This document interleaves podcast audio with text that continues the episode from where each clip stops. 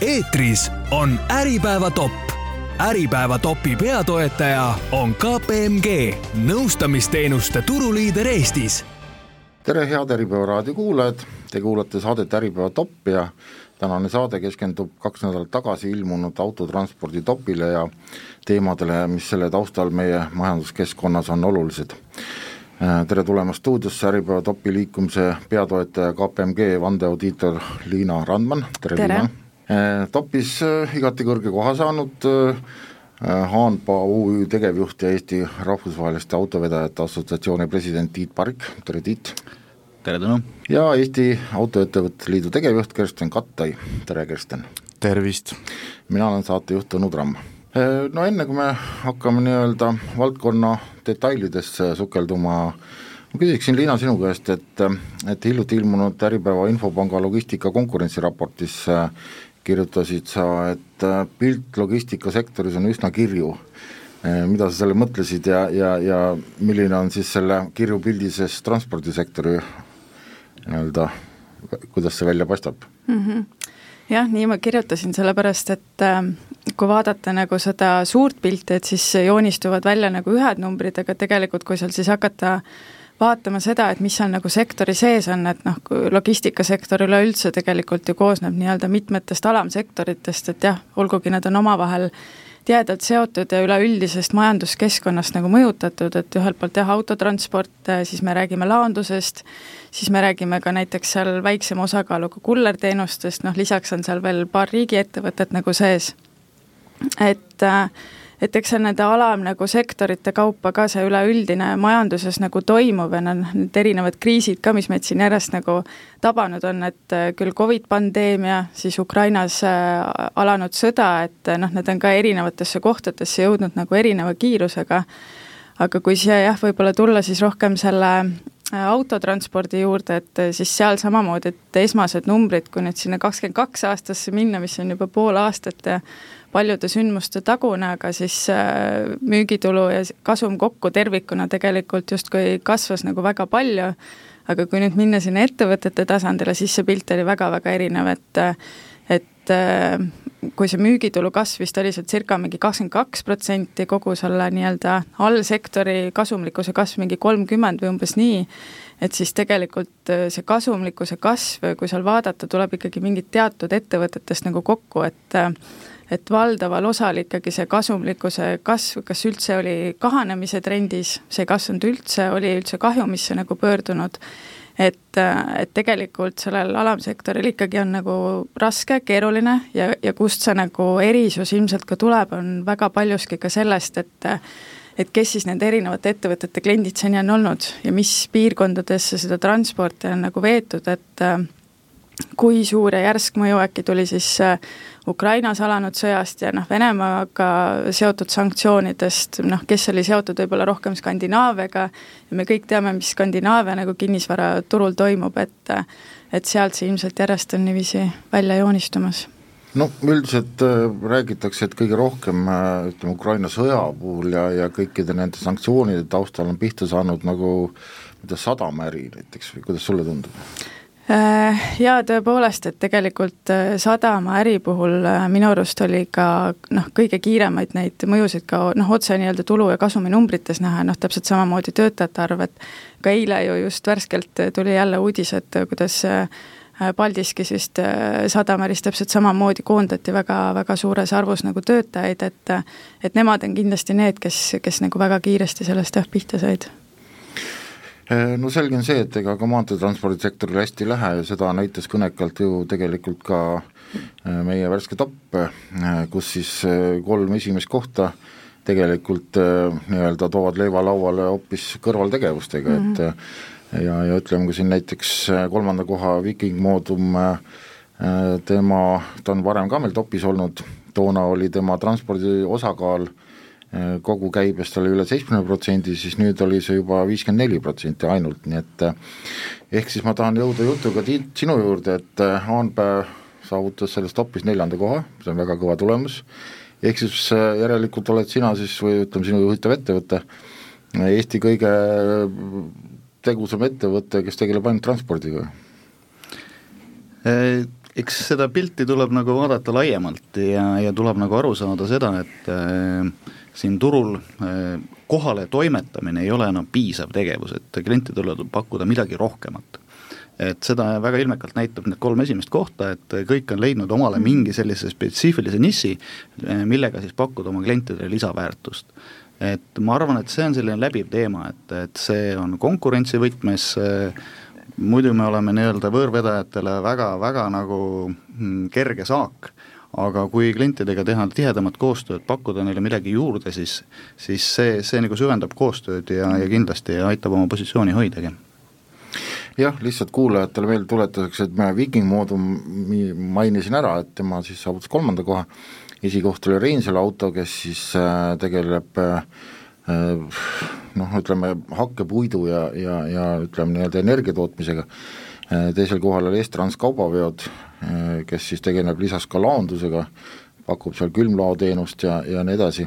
ehk siis tõesti need kolm esimest, ja siis Viking Moodum jah, et tema nagu see põhituluallikas või ütleme, juba peaaegu pool sellest tulust tuleb metsandusest. ehk siis jah, et äh, igati kõrvaltegevused on saanud täiesti nii-öelda hädavajalikuks suisa. Äh, Kersten, sina esindad nii-öelda rohkem äh, neid sisevedajaid, et äh, et kuidas sulle tundub, et kas siseturul tegutsemine on pigem pluss või miinus? jaa, et kui me siin vaatasime ka, võtsime neid eelmise aasta noh, ütleme tulemusi kokku ja arutasime, siis ma ütleks või, võib-olla mm, vedajad, liikmed olid isegi natukene optimistlikumad, kui numbrid näitasid. Äh, sest nagu äh, Liina õigesti ütles, et äh, ütleme, käibed ju tegelikult kasvasid väga kenasti möödunud aastal, aga kui me vaatame veomahtusid, eelmise ja üle-eelmise aasta võrdluses, tegelikult need juba langesid, langesid nii rahvusvahelistel vedudel kui sisevedudel mis tegelikult noh, viitas juba möödunud aasta noh, nii-öelda teise poole pildis, et see majanduslangus nagu hakkab sektorisse tulema. ja nüüd, kui me vaatame selle aasta näitajaid, siis meil on olemas praegu täispilt nagu esimese kvartali siis noh,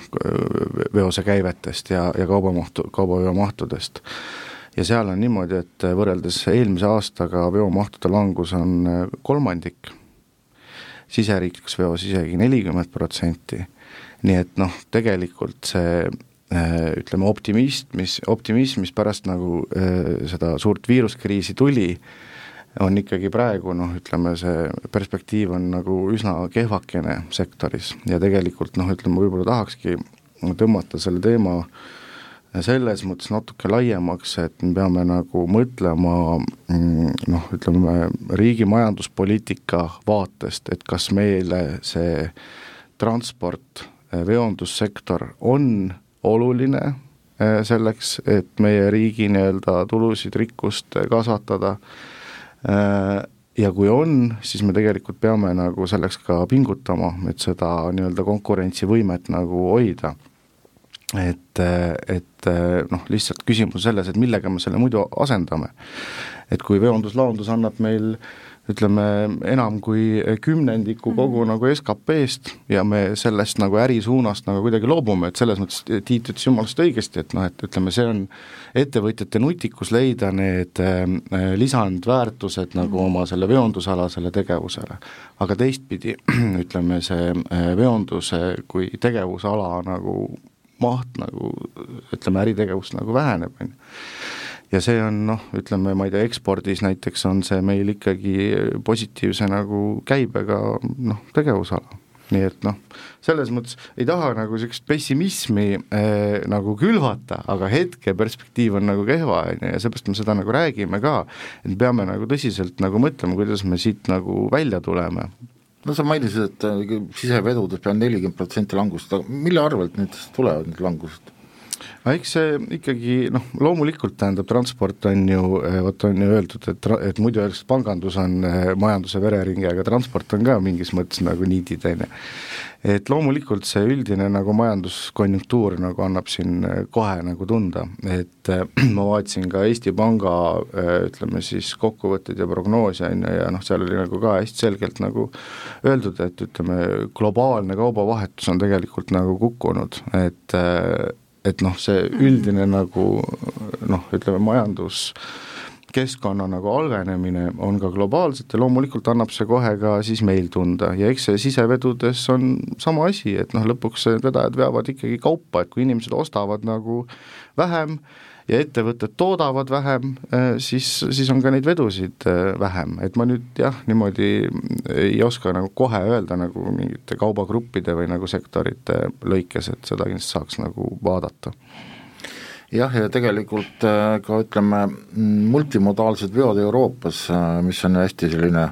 kuum teema ju tegelikult, et nii-öelda kontreilerveod, eks ole, et, et tuua natukene äh, leevendada seda veokijuhtide põudu, eks ole, et paneme siis nii-öelda äh,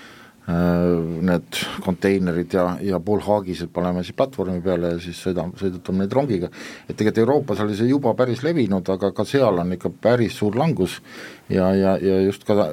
paljuski tänu sellele, et tegelikult see raudtee kulu on nii suur, et praegu on odavam mööda maanteed otse vedada, kui hakata siin vahepeal jupitama. ja vot seal on, üks on kulupool, no teine on ikkagi äh, ütleme, mis kaupa me veame, et tegelikult ma olen seda nagu üsna põhjalikult sinna sisse vaadanud, et eh, Eesti Raudteel eh, liiguvad, eh, on umbes nagu kolm-neli kaubagruppi on üheksakümmend protsenti kõikidest vedudest. ja need ei ole need kaubagrupid, mida me veame nagu maanteel. eks lihtsalt see noh, ütleme minu väide on see, et noh, ütleme sisevedudes raudtee ei saa nagu oluliselt asendada maanteevedusid, mingil määral jah aga ütleme, see meie, mm, see kaup, mida me veame, kust me seda võtame, kas siis karjäärist või metsast, on ju, või kuskilt tehasest, et see majanduse ja, äh, ja, ja see kauba, ütleme, päritolu struktuur ei ole selline, et see raudtee saaks seda nagu oluliselt nagu asendada, et ehk siis tegelikult me jõuame ikkagi taas selleni, et äh, maanteetransport on riigi jaoks strateegiliselt oluline valdkond jaa, tähendab, ta on nii strateegilises mõttes kahtlemata, kui ka ikkagi nagu majandusharuna, tegevusalana, ütleme, kust meil tuleb äh, äh, nii-öelda hõive äh,, lisandväärtus ja noh, ütleme laiemalt äh, rikkus riigis. jah, ütleme siin eelmise aasta keskel ju tegelikult oli maantee transpordisektor ju teenuste ekspordis oli nii-öelda number üks äh, valdkond, aga mm. nüüd ma saan aru, on juba IT mööda läinud, et äh, kahjuks, kahjuks me siin jah, sellest äh, teiste, teiste sektoritega transport kaotab, kaotab äh, oma, oma trendis, et teistel nii-öelda teenuste müük kasvab, transpordis aga väheneb, et et transport ja, ja laandus on nagu olu, oluline sektor riigi jaoks, et kui siin vaadata nagu Statistikaameti andmeid, et tööd annab kuuekümne tuhandele inimesele, mis on ju kümme protsenti kõigist töötajatest ja, ja huvitav fakt, mis nagu siit Statistikaameti andmetest välja jookseb, et lisandväärtus töötaja kohta, et kui me teame, et IT-sektoris on see kõrge mm, -hmm. jäädes siis rahaliselt viiekümne üheksa tuhande euroni inimese kohta, siis veonduses ja laonduses on see nelikümmend viis tuhat eurot, et see on nagu teisel kohal, et see on, see on väga, väga kõrge lisandväärtus, mida, mida siin see sektor pakubki ja siia võib-olla selles mõttes lisaks juurde kindlasti ka noh, tänase Ukraina sõja taustal ju tegelikult julgeoleku aspekti täpselt samamoodi, et et üks asi kindlasti kogu see majanduslik väärtus, mis sellest, mis sellest sektorist tuleb ja, ja see ettevõtluse pool, aga noh, julgeolek nagu täpselt samamoodi, et millest me ei saa kindlasti tänasel päeval üle ega ümber, et jah, ja tegelikult äh, meil ju Brexit on hea näide, mis juhtub siis, kui toimuvad mingisugused järsud muudatused riigisüsteemis ja, ja ühel hetkel sul ei olegi enam poes leiba ja, ja tanklas kütust, et selles mõttes oma riiklik äh, transpordisüsteem, et äh, noh, jah, praegu siin Leedu vedajad võtavad järjest turgu üle, eks. Äh, kuidas sulle, Tiit, tundub üldse nüüd see rahvusvaheliselt natuke, kui me põikame korra sinna Euroopa poole, et et äh, Saksa kiirteede statistika siin ilmekalt tõi välja selle numbri, et kuidas kõikide teiste riikide veokid jääb järjest Euroopas vähemaks, aga Leedu numbritega autode arv aina kasvab noh, see näitab ainult, et transpordisektor on Leedu riigis väga-väga tähtsalt prioritiseeritud ja, ja, ja selles valdkonnas äh, on võimalik äri ajada ja, ja riik soovib oma selle sektori teenuseid eksportidagi. et Leedu, siin on kogu see transpordisüsteem on Leedus väga hästi arenenud ja, ja, ja toetab, toetab äh, riik ettevõtjaid selles vallas noh, Leedu puhul on muidugi teine, mis selle ikka negatiivne pool on, mis ka meie vedajate jaoks on väga suur probleem, on ikkagi seesama juhtide probleem ja, ja ma tean, et nad on vist Usbekistanis lausa oma mingid koolituskeskused juba avanud ja kõik, et sealt tuua juhte sisse. jah, statistikat vaadates siis äh, Eestis on kolmandatest riikidest veoautojuhte kaks tuhat inimest, Leedus on kaheksakümmend tuhat, ehk see on siis nelikümmend korda rohkem et see on nagu väga-väga suur, suur erinevus. kuidas sulle tundub, et äh, mm, rahvusvahelistes vedudes tegelikult see välistööjõud ilmselt on igati asjakohane nähtus või? jaa, kahjuks, kahjuks äh, vaadates seda sektorit, siis äh, meie omad autojuhid vananevad, järelkasvu tuleb vähe peale ja, ja rahvusvahelistel vedudel kindlasti ilma välistööjõuta me hakkama ei saa ja, ja siin on, siin on nagu oluline just, et kolmandatest riikidest saaks autojuhte tööle võtta. et tänane olukord on kahjuks selline jah, et Eesti ettevõtjad peavad välistööjõudu rentima äh, Leedust ja Lätist, sest et Eestis lihtsalt ei ole seda võimalik teha. ma saan aru, Liina, sa oskad kindlasti paremini kommenteerida, et see vist ei ole nagu riigi jaoks kõige kasumlikum tegevus, et et äh, nii-öelda ettevõtted rendivad teistest riikidest, et pigem nad võiks olla siin palgal ja maksta makse meie riigile ja nii edasi, või? no selles mõttes absoluutselt jah, et, et äh, see on nagu see üks pool, noh teine asi on ka nagu see, et ma ei tea, Leedu ja Läti näide siinsamas, et et noh, kui nendel endal midagi juhtub, nendel endal midagi halvasti läheb, et siis me ikkagi sõltume jällegi noh, piltlikult öeldes justkui nagu vahendajast, on ju. et, et meil ei ole nagu seda otse head ligipääsu ja ja noh, selgelt, et kui autotranspordis see välistööjõu kaasamine on nagu vältimatu, seda on nagu vaja, et siis äh, ega siin on ju ka teisi sektoreid, et et kes samamoodi nagu seda välistööjõudu tahaksid hea meelega kasutada, aga, aga täna on seda võib-olla keeruline teha. aga mis see nüüd, mis see, kus see, kus see nüüd on, see äh, noh, kala, et miks, miks ei saa neid tuua, kui ta niimoodi lihtsalt lahti seletada? No lihtsalt, lihtsalt lahti seletada on võib-olla keeruline, aga pigem ongi see üleüldine võib-olla see riiklik nii-öelda tänane regulatsioon ja ja see raamistik, et mil moel me seda võõrtööjõudu saame nagu tuua ja noh, ja kuidas see oleks siis ka Eesti ettevõtjatele konkurentsivõimeline, sest et täna me teame seda, et ikkagi Eestis tööjõumaksude osakaal on, on noh, päris, päris nagu kõrge ja tegelikult äh, tööjõukulu tervikuna ettevõtete jaoks on ka ju see, mis on meid aasta-aastalt seda konkurentsivõimelisust nagu vähendanud, et, äh, et seeläbi see on ka selline oluline aspekt, et, äh, et mis siin nagu Eesti ettevõtjate jaoks võib-olla teeb ka keeruliseks selle võõrtööjõu kaasamise kohati aga kindlasti siin sektori esindajad oskavad täpsemalt ka selgitada. autojuhtide eest rääkides, siis eh, need autojuhid, kes sõidavad välisvedudel, siis nad erinevad nagu väga oluliselt teistest äh, siseriigis kasutavatest äh, välistöölistest, et autojuhid tulevad oma koduriigist Eestisse, võtavad veoki ja koorma ja lähevad siit välja, teostavad siis teenuseid, saavad oma ringiga Eestisse tagasi ja, ja pöörduvad oma, oma koduriiki. Et, et nad ei ole siin Eestis kohapeal, nad ei ela siin, nad ei tarbi, tarbi siin sotsiaalteenuseid, nad käivad arsti juures, hambaarsti juures ka oma koduriigis sellel ajal, kui nad on vabad, et, et siin on hoopis erinev võrreldes sellega, kui inimene elaks siin Eestis kohapeal ja, ja, ja tekiks soov ka siia tuua pere ja, ja nii edasi, et nad ei, nad ei kujuta nagu Eesti riigile sellisel kujul ohtu jah, et äh, kuidas äh, sisevedudes, ma saan aru, natuke on võib-olla raskem, sellepärast et et äh, just see keeleoskus ja see pool võib-olla, Kersten, oskad kommenteerida? jaa, ei ma, see tähendab, kindlasti sisevedudes kolmandate riikide või noh, välisriikide autojuhtide nagu see ütleme, kasutatavus on suhteliselt nagu väiksem ja võib-olla sisevedudel on ka natukene lihtsam neid juhte leida just selle tõttu, et saab nagu sellist pereinimesi nagu, kes saad, saad nagu ööseks koju ja ja niimoodi äh, lihtsamini. et äh, aga noh, tervikuna et, et kui sa küsisid, et mille taga see on, et tegelikult see äh, võõrtööjõu kasutamine on nii tohutult nagu politiseeritud küsimus et noh, lõpuks on ta nagu seal, et siin need ratsionaalsed majanduslikud argumendid väga ei tööta, aga võiks, et see poliitika, kuidas kolmandate riikide tööjõud nagu eh, Eestis kasutada, võiks olla nagu mitmekesisem, mitte nii üheülbaline. et nagu Tiit selgitas, et tegelikult need äh, äh, välisautojuhid, nad Eestimaa pinnal eriti ei olegi, aga, aga sellest tuleb meie nii-öelda äh, majanduses tegev-, sellest transpordi tegevusalast, eks ole, nii-öelda maksud riigile et äh, ja ka seda koormat nagu, mis nagu klassikaliselt arvatakse kolmandate riikidega nagu kaasneb, äh, seda koormat riigile ei tule. Ja võib-olla veel üks number siia, et kui noh, just seda maanteevedude poolt vaadata, et äh, kui meil on kaks tuhat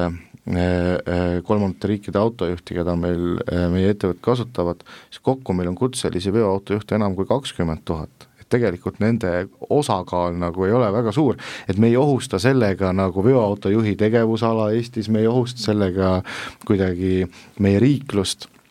Et seda võiks jah, natuke nagu mitmekesisemalt nagu vaadata ja noh, küsimus ongi see, et kas me peame transpordisektorit majandus ütleme, arengus ja majanduspoliitiliselt nagu oluliseks, kui peame, siis me peame nagu neid leevendavaid meetmeid nagu kasutusele võtma. jah, et IT-sektori puhul ju sai seda ju edukalt teha, et no just. mingit probleemi. jah ja ma tean, näiteks Leedu ju samamoodi ju,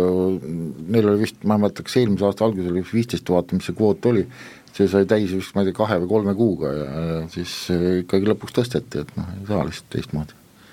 et jah, siin oleks väga oluline ikkagi sektori jaoks, et äh, toimuks autojuhtidele välistus äh, elamisloa kvoodist, et äh, me saaks neid autojuhte võtta äh, rohkem sisse siiagi. jah, et ega nad ju tegelikult ju elamisluba kui selline noh, ta, ta ju praktiliselt ei elagi siin. kahjuks ei ole jah, et ta nii-öelda alustab oma ringi ja lõpetab oma ringi siin ja, ja, ja ülejäänud aja ta viibib väljaski ehk siis sisuliselt ongi nagu olukord, et kus Eestis nagu seda tööjõudu, ma saan aru, täna ei olegi nagu noh, võtta sellises mahus nagu vajalik ja tegelikult mida sektor ju riigilt ootab, ongi lihtsalt seesama regulatsioonide nagu ülevaatamine, et et siin ei lähe asi isegi nagu konkreetselt, ma ei tea, kulueelarve ridade peale, et mida siin mm. riigieelarve tasandil praegu niiviisi järjest nagu hekseldatakse. noh, ja alternatiiv ongi see, et me kaotame oma, oma siis need veoteenuse mahud lihtsalt nagu naabritele, on ju, ja anname selle noh, ära, et. No nüüd käib ju kõva eelarve koostamine ja, ja, ja täna, kui me seda saadet salvestame, ehk siis päev enne eetrisse minekut, eh, tuli hommikul ka kliimaministri teade, kuidas hakatakse nüüd hooga kliimaseadust välja töötama ja ja, ja hästi oluline aspekt selle juures on siis nii-öelda sektori kaasamine ja kõik see, et kuidas teie tunnete, et, et kas sektor on piisavalt kaasatud jaa, tähendab, ei ole või kuidas ma ütlen, on formaalselt, et eh, seda saab nagu palju, palju paremaks ja ongi vaja saada nagu palju paremaks. et jah, ütleme, meile saadetakse, et andke tagasisidet direktiividele või mingitele seaduseelnõudele anname ja siis noh, et eh, tuleb see kooskõlastustabel eh, mitte arvestatud, on ju, et noh, et eeldus ei olegi see, et kõiki ettepanekuid tuleb arvestada, aga mõtleme siis noh, arutame läbi, et mi-, mis, miks see siis ei tööta, see ettepanek, on ju, et mis need vastuargumendid, et see jääb nagu natuke nagu ühepoolseks, et see on nagu kriitiline pool. aga nüüd iseenesest mm, noh, ütleme nii, nagu me Autoettevõtete Liidus oleme arutanud ja oma tegevussuundadesse kirjutanud, me saame ju aru, et ütleme, Ehm, ütleme, puhtam tegutsemine eh, globaalselt ja, ja eriti Euroopa Liidu nagu poliitikana on järgmisel kümnendil täiesti selge. ja transpordisektor sellest mitte kuidagi eh, ei pääse ja ei peagi pääsema, vastupidi, et tegelikult transpordisektor muutub roheliseks järgmise, ütleme, viieteist, kahekümne aasta vaates, on ju, et siin on see küsimus nagu selle tempo nagu majanduslikus jõukohasuses, aga need tehnoloogiad tulevad, ja, ja see kuvand, et äh, tossavad rekkad sõidavad, et see nagu kaob ära, et need sõidavad ilma hääleta, väga puhtad nagu äh, masinad. Ehk siis mina näen nagu siin võimalusi, aga lihtsalt see peab olema jah, nagu jõukohases tempos ja tegelikult see, ma hakkasin vaatama niisugust asja, kuvandi küsimus, et mm, kui me võtame nüüd lisandväärtus erinevates siis tegevusalades. Ja siis CO2 heitmed ja nende suhe. Siis siin on erinevaid raporteid, mis noh, näitavad, et noh, seal on veondus-laondus, aga noh, seal on oluline osa, on ju eh, noh, transport, maanteetransport, et ta on üks kõige saastavamaid nagu tegevusalasid, on ju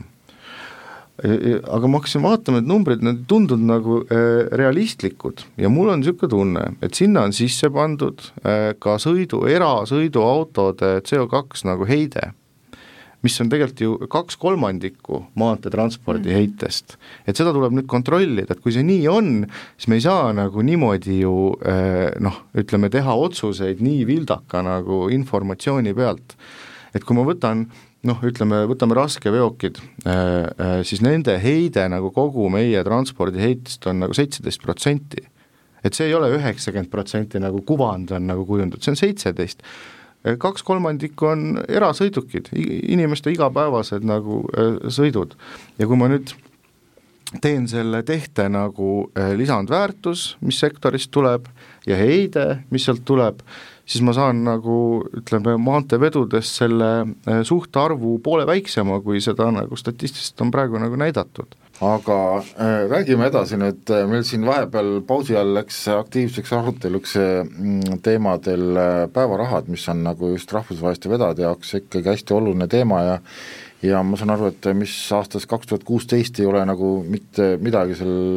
valdkonnas muutunud või isegi veel varemast? ei, kaks tuhat kuusteist jah, kahjuks, kahjuks see on see aasta, kus ei ole välismaa päevarahade regulatsiooni muudetud. Ja, ja rääkides konkurentsist teiste riikidega, siis siin on kindel see, kus me, kus me nii-öelda kaotame täna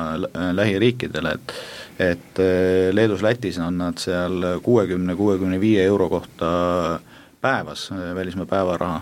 ja, ja Soomes on ta indekseeritud ja, ja, ja on, on ka oluliselt kõrgem. et siin oleks kindlasti muudatust vaja Äh, ja siin ma ei räägi nagu autovedajatest, vaid siin on kõikidest äh, äh, sektoritest, kes siis oma teenuseid ekspordivad ja kelle töötajad väljas käivad, et kulud on tõusnud ja, ja töötajatel on vaja suuremat kompensatsiooni selles osas. mis need päevarahad nüüd täpselt on, et vanasti ma mäletan krooni ajast vist on jäänud juba siit midagi sisse vist jah? Ütleme nii, et kuueteistkümnendast aastast nad on ja, ja tänane regulatsioon on, et esimesed viisteist päeva on siis viiskümmend eurot päevas ja kuueteistkümnendast päevast alates on kolmkümmend kaks euri päevas. aa jah, see kolmkümmend kaks oligi siis vanasti see viissada eurot vist ja, või krooni, vabandust. jah, jah, sealt ta tuleb, aga aga, aga jah, selline diferentseerimine kuu lõikes on, on suht keeruline,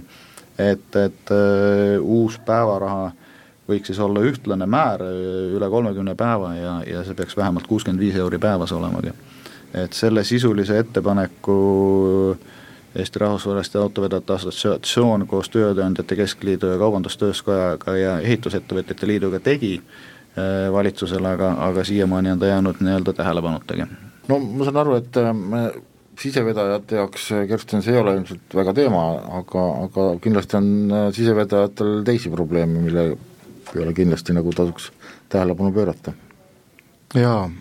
tähendab päevara-, noh, lähetust jah, sise, sisevedudel väga tihti ei noh, ei ole nagu väga kriitiline küsimus, aga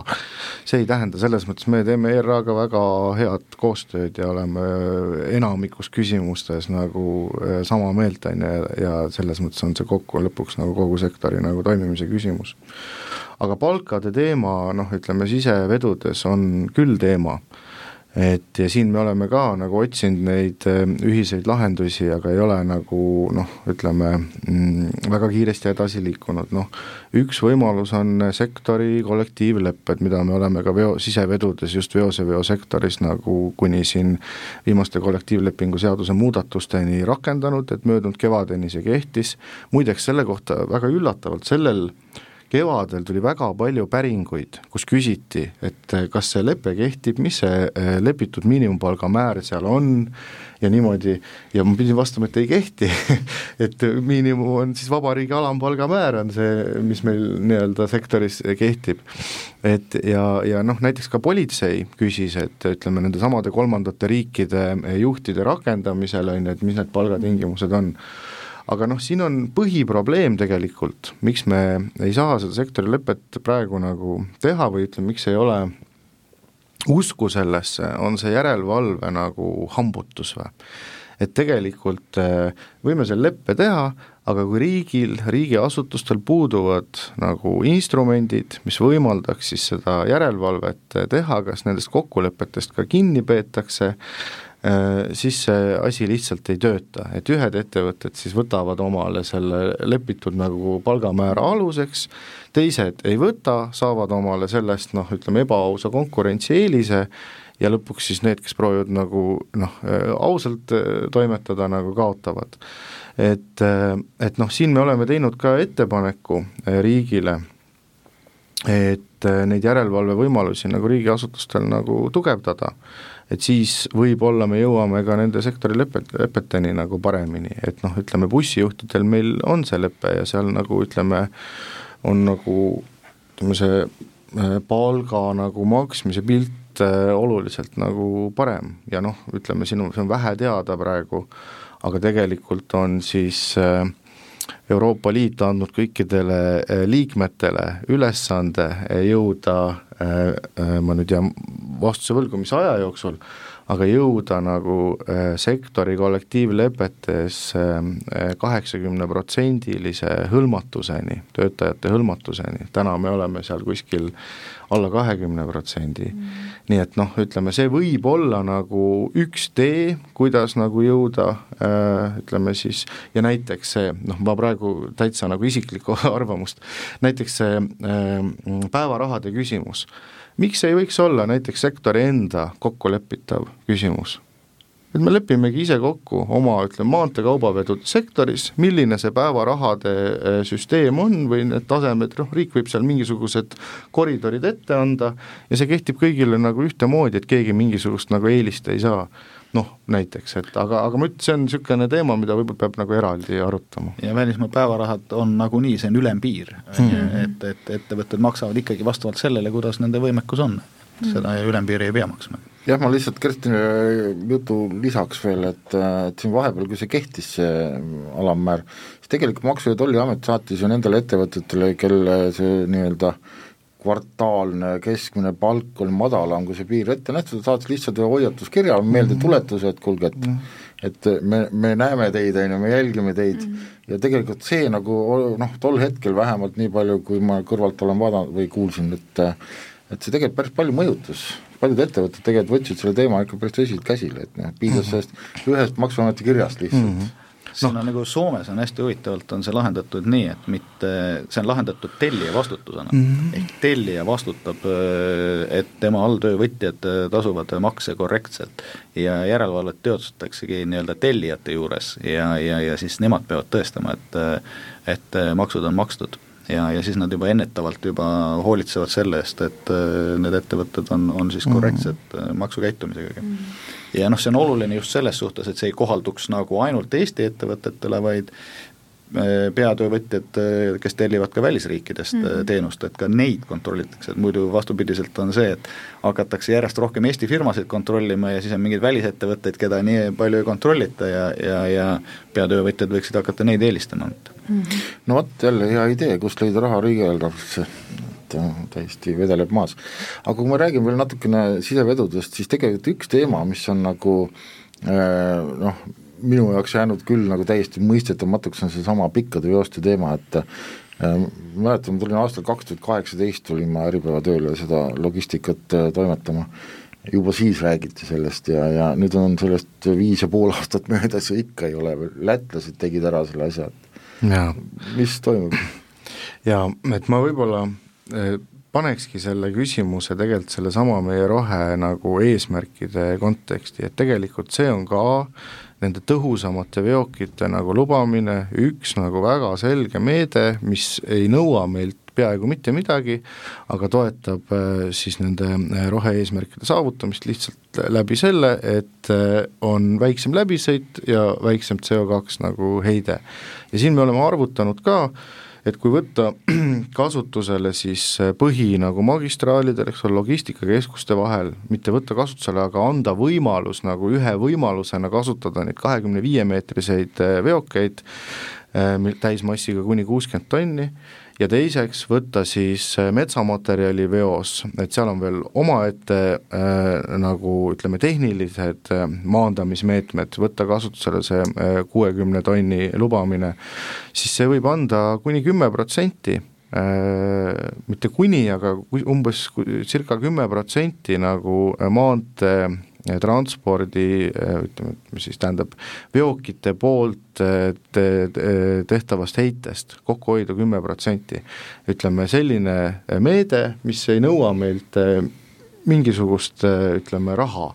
või, või, või, või mingit pikk, pikkasid nagu ja, analüüse. mingil määral ta leevendab ka seda veokijuhtide puudust, sest sisuliselt ju kaks autot veavad ära praeguse kolme auto kauba. just, just et äh, ja noh, ütleme jah, et siin äh, võib nagu öelda, et noh, et äh, et on vaja investeerida nagu masinaparki, aga see on noh, mina ütleks, et see on nagu võimalus. Ja kui see nagu on tõhusam, majanduslikult mõistlikum, siis need investeeringud tehakse, soomlaste näide oli, et tegelikult väga kiiresti nad võtsid need pikemad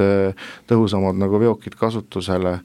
ja, ja see on lihtsalt ka üks nagu hästi konkreetne, läbimõeldud, läbi arvutatud nagu viis, kuidas sektori nagu konkurentsivõimet äh, tõsta. Ja nüüd, kui sa küsid, mille taga see on, ma ei oska öelda, et me tegime konverentsi siin äh, talvel Äh, ja siis äh, olid seal ju poliitikud, tippametnikud, et tippametnikud ütlesid, et poliitikud ei taha, poliitikud ütlesid, et tippametnikud ei taha. Ja, ja noh, ausalt öeldes on ka öeldud niimoodi, et noh, et las sektor teeb valmis kõik need äh, seaduseelnõud, mõjuanalüüsid ja nii edasi, ja siis no, noh, leiab, leiab oma kanalid, kuidas need nagu, aga noh, paraku ütleme, meil seda seadusandlikku võimu ei ole, et ikkagi noh, selleks on nagu oma nagu riigil nagu omad nagu reeglid. noh, nad kõik katsetused on ju tegelikult sektori poolt tehtud ja kõik on, on juba läbi viidud. just ja, praegu on, on Transpordiamet, ma ei tea, kas see nüüd on vastu võetud või vastuvõtmisel, äh, järjekordne uuring, kus on siis tehtud läbi analüüsitud nende äh, pikemate raske raskemate veokite nagu mõju taristule ja noh, tegelikult see analüüsi tulemused nagu näitavad, et, et tegelikult eh, nende mm, eh, veoki nagu pikkuste masside nagu ühtlustamise teel on võimalik saada väiksem tari-, mõju taristule, kui ta täna nagu faktiliselt on, noh et kui me võtame metsaveos, et kui me paneme ühe lisatelje eh, juurde ja seal on topeltrattad, ja teeme selle veoki natukene pikemaks, siis tegelikult see mõju nagu tee konstruktsioonile on vähem negatiivne, kui ta on, on täna. Ja üks selline asi, mida saab kohe nüüd ja praegu tegelikult ära teha ja mida siiamaani ei ole tehtud, on seesama äh, keskkonnasõbraliku diiselkütuse kasutuselevõtt Eestis, noh tähendab, selles mõttes, et kasutusel ta on, aga aga ta on lihtsalt nii kallis, et keegi ei jaksa seda osta, et noh, et riik võiks nagu natukene siin Äh, aktsiisidega ju vastu tulla ja noh, nagu me siin äh, pausi ajal arutasime, et tegelikult kui järgmine aasta tõuseb kevadel maikuus kütt diisliaktsiis uuesti, et äh, äkki vähemalt niigi palju, et jätaks AVO-l tõstmata või? ja kindlasti, kui siin rääkida elektrist ja vesinikust, mis on nagu sõiduautode poolel juba väga laias kasutuses, siis tarbesõidukite ja raskeveokite puhul siin see alternatiiv ju tegelikult puudub ja, ja täna on äh, autovedajatel selline saastajate maine küljes äh,, aga, aga kindlasti me ei tahaks äh, sellist mainet omada.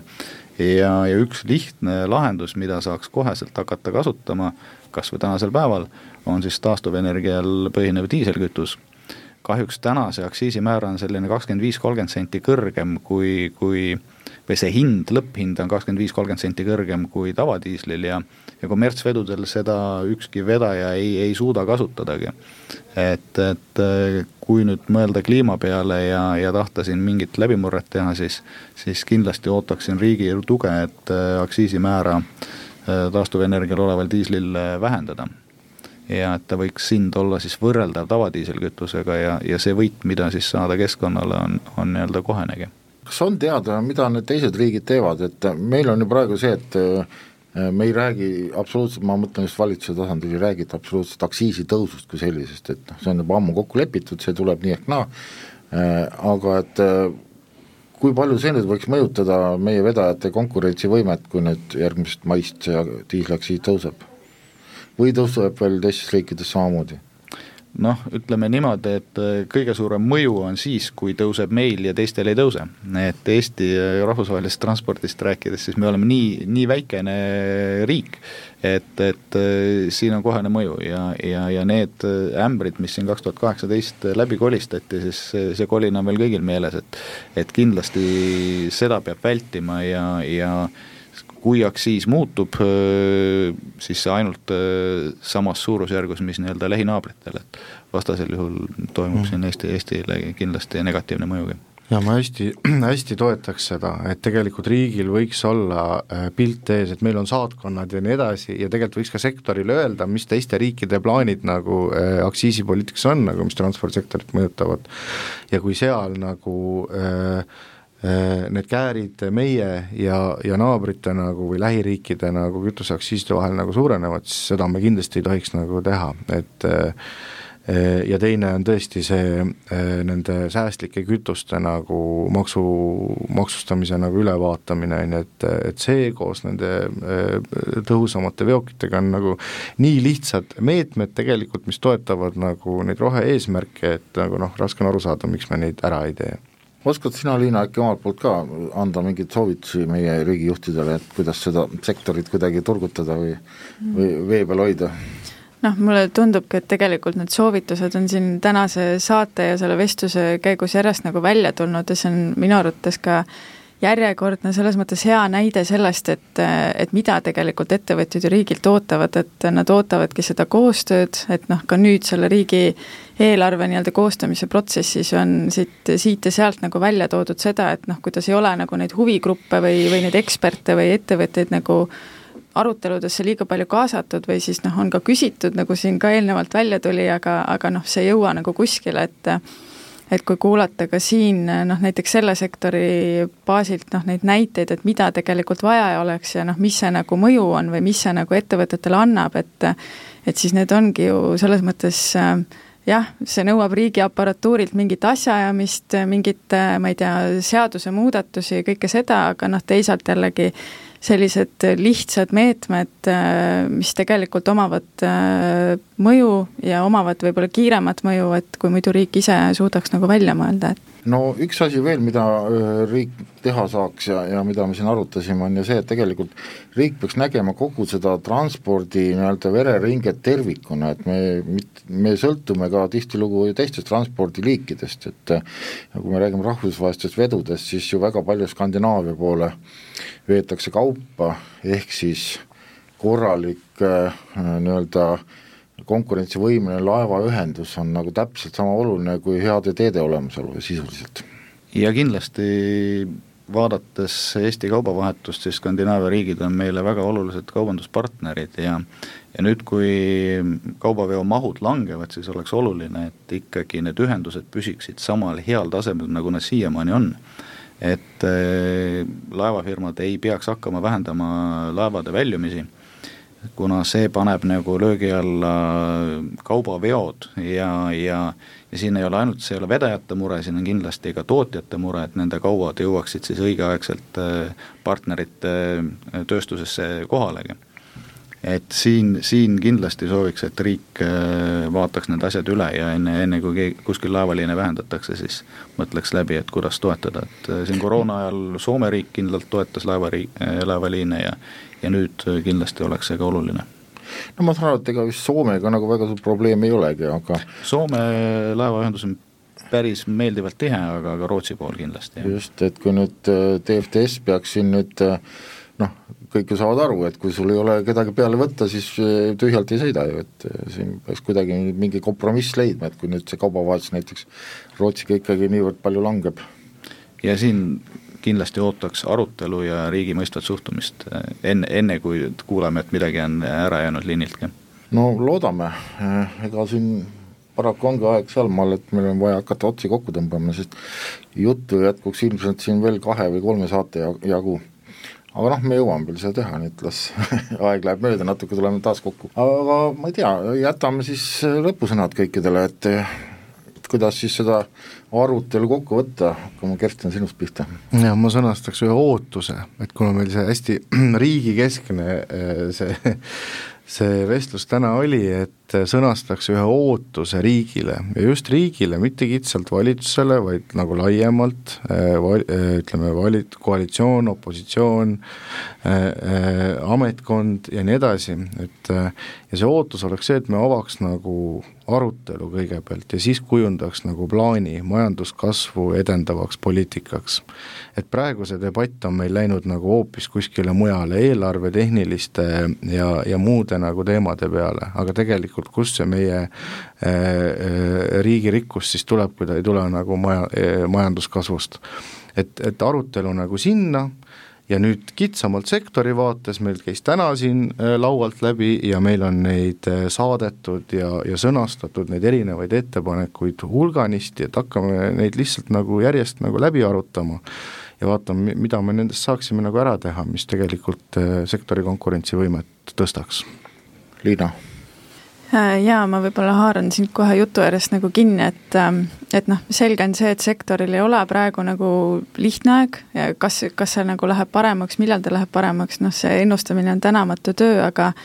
aga ma arvan, et siin on jah, just oluline rõhutada seda pikaajalist vaadet, et noh, nii ettevõtetes nagu endas, et noh, me oleme näinud küll seda, et kuidas siin pandeemia alguse järel ka, et kes tegi äh, nii-öelda paaniliselt mingeid kiireid lükked, aga siis mõni kuu hiljem selgus, et tegelikult asi ei olnud nii hull, ei oleks pidanud võib-olla nii tegema, et et ma arvan, et siin lennunduse näide on nagu hea jah,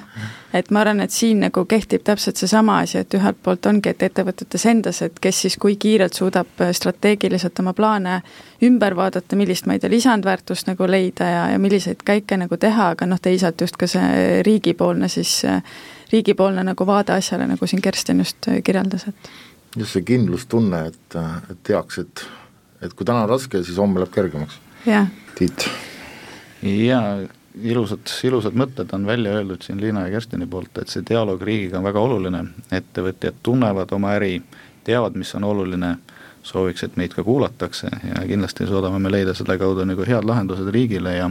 ja jätkata oma teenuste eksporti.